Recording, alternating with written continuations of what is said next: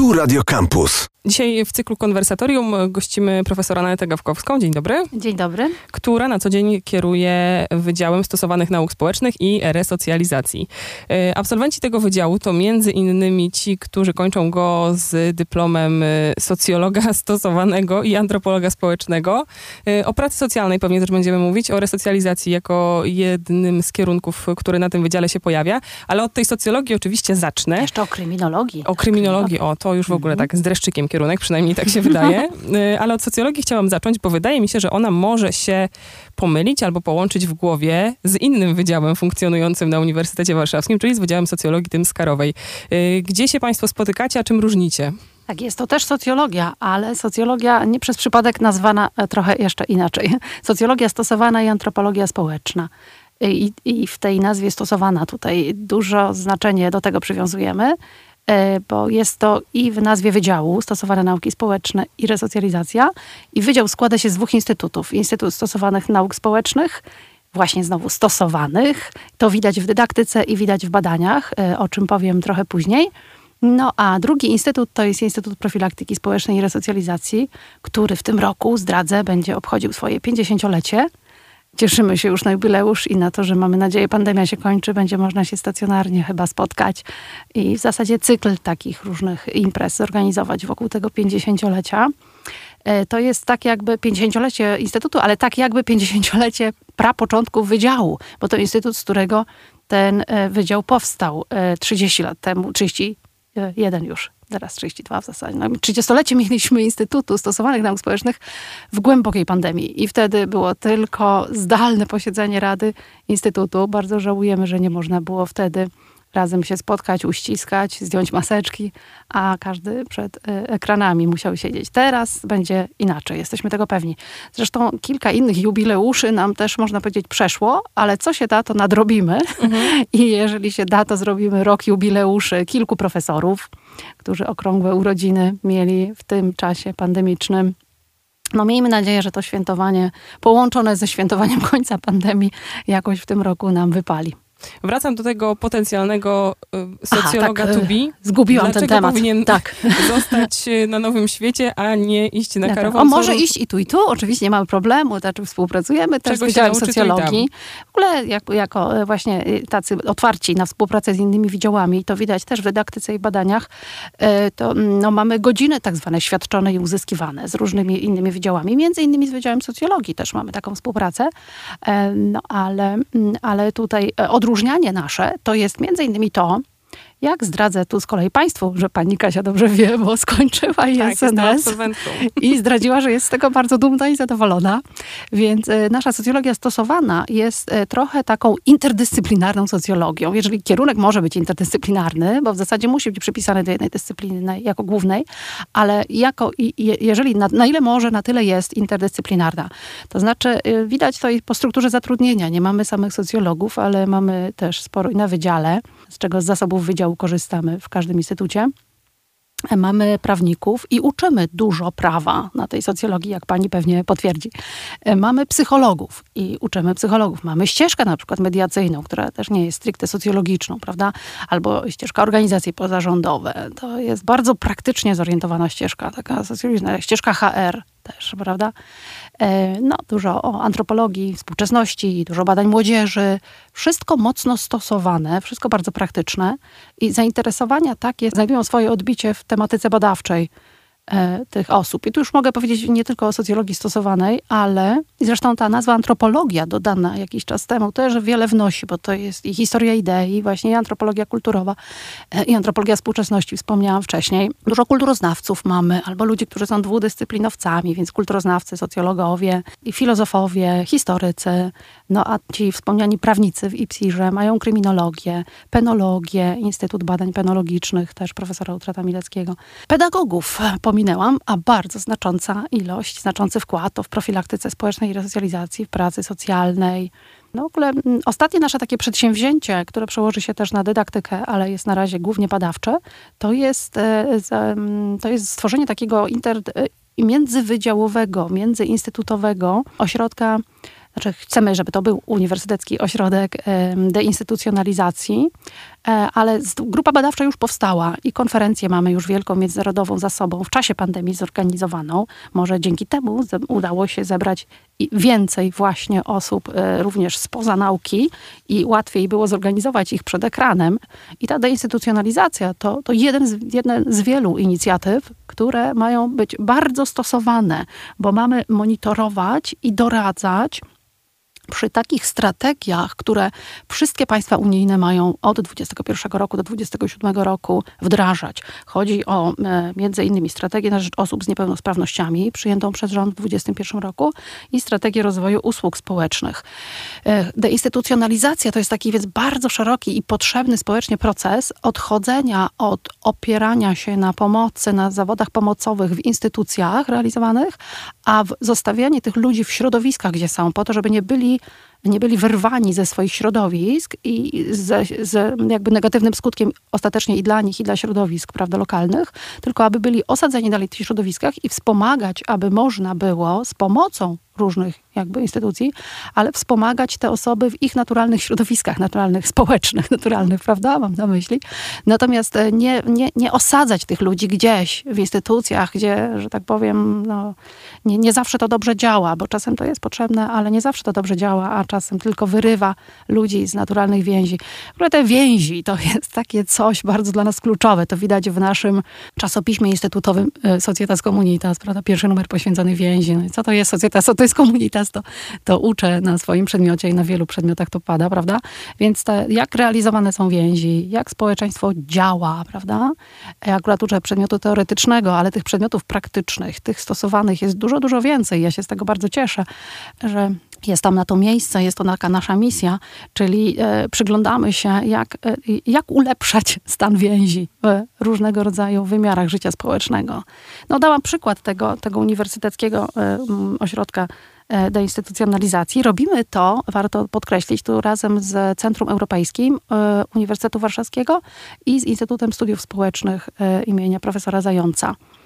E, to po tej konferencji, o której wspomniałam, nawiązała się współpraca, stworzyły się zespoły badawcze, było kilka spotkań, a teraz chcemy to jeszcze mocniej zinstytucjonalizować, zajmowanie się deinstytucjonalizacją.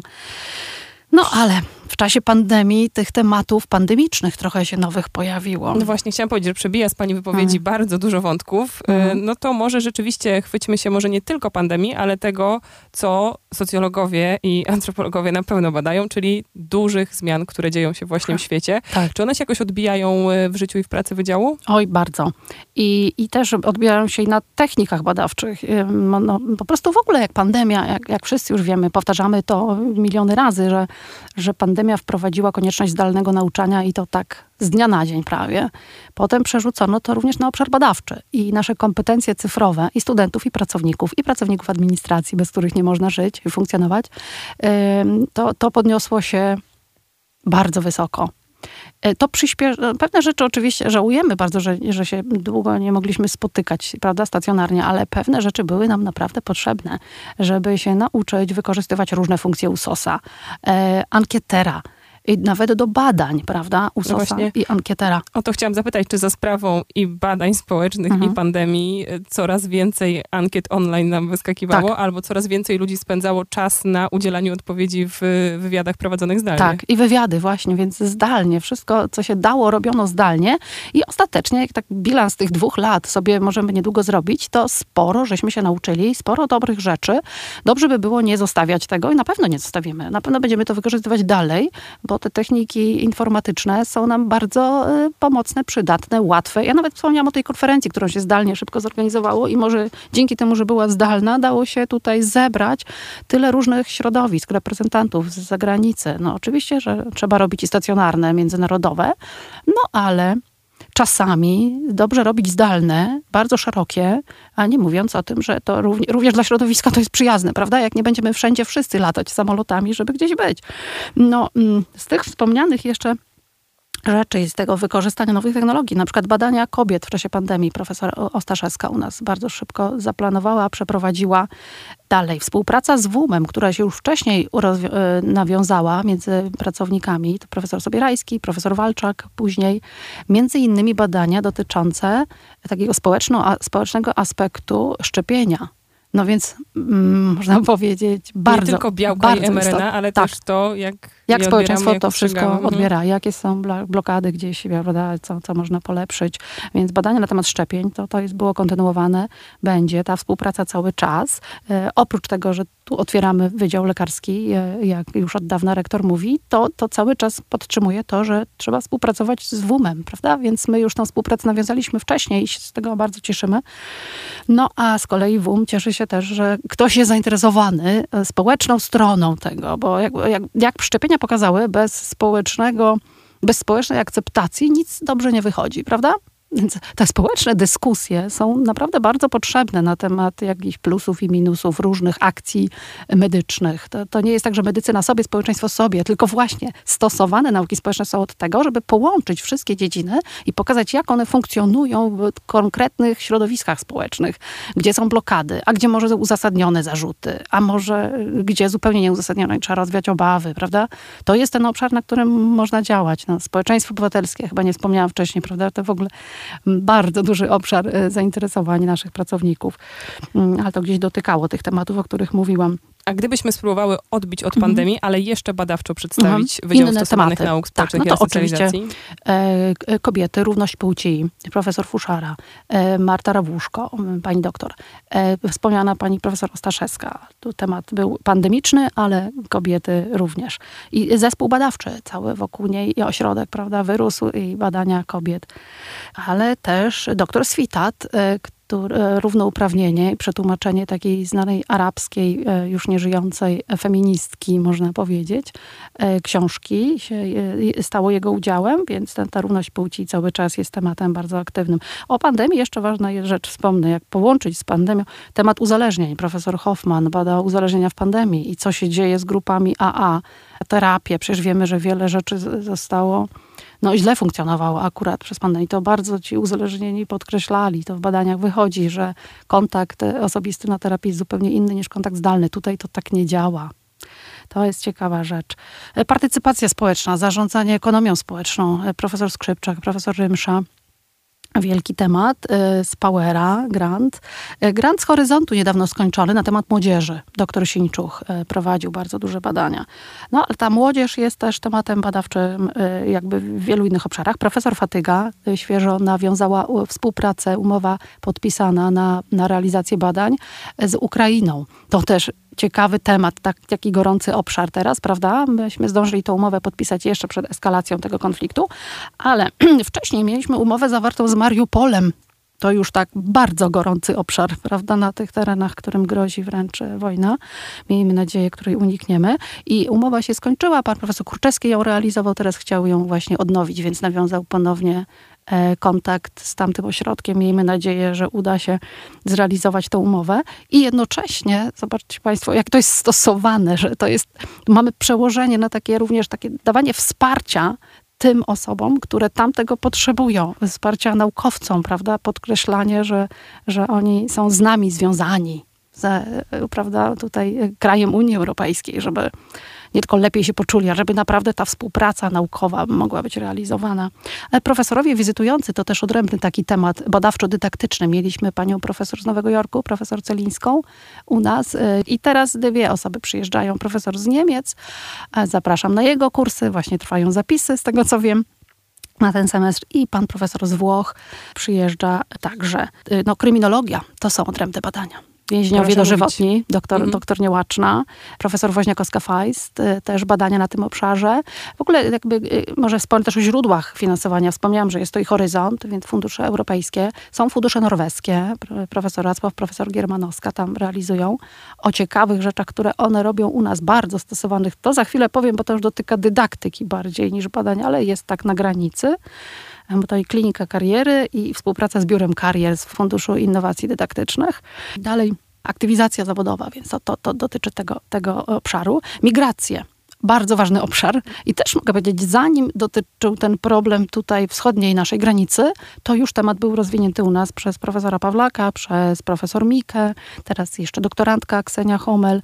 Rozwija się to też w temat u pani profesor Miki, w temat porażek, bo to jest jakby wiele, na wiele polityk można spojrzeć e, publicznych jako na coś, co, co, co jest porażką, prawda? I tam ona analizuje między innymi temat migracji, temat e, protestów w trakcie zmiany prawa aborcyjnego, więc też bardzo gorący temat i od razu podjęty badawczo. I teraz realizować na coś jako, e, spojrzeć na to jako realizację porażki, a jednocześnie zrozumienie porażki to jest sukces, prawda?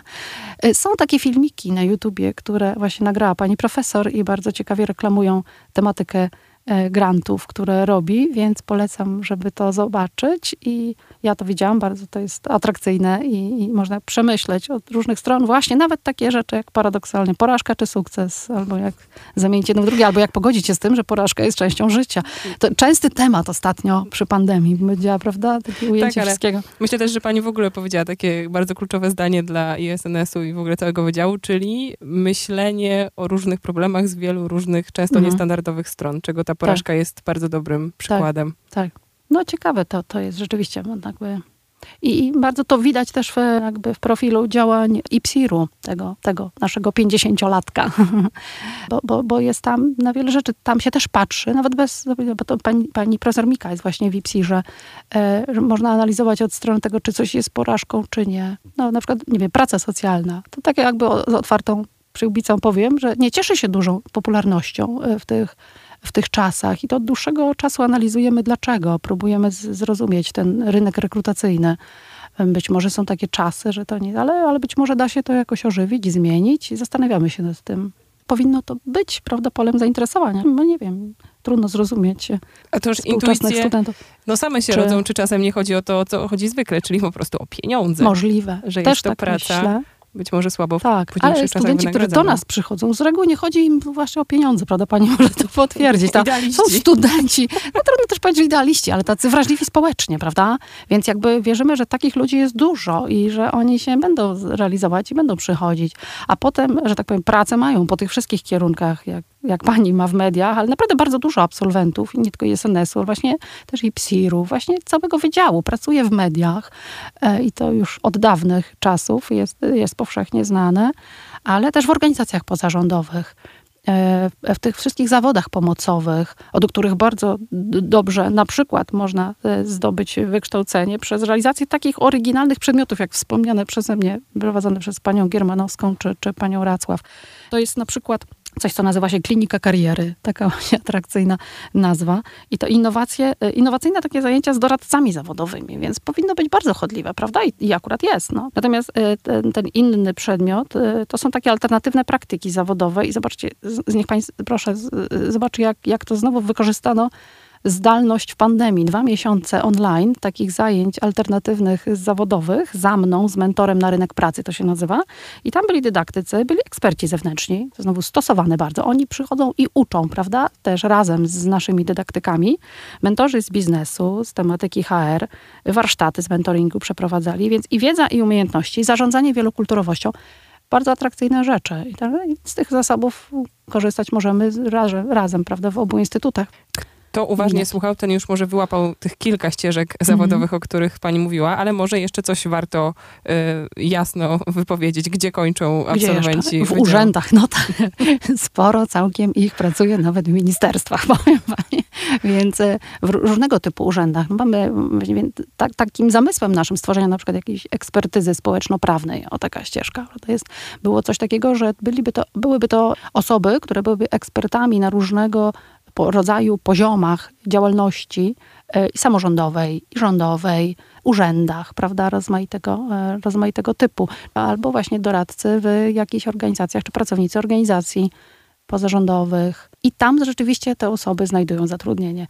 Ale jak wiemy, z, tymi, to, z tym to nie jest tak prosto, prawda? Że teraz nie jest tak, jak kiedyś, że się dostawało przydział wręcz. Trzeba Przed 89, dawno temu, tłumaczyć. że przydział, gdzie, się, gdzie trzeba się zatrudnić. A teraz to rzeczywiście jest też e, specjalizacja e, właśnie na IPSIRze.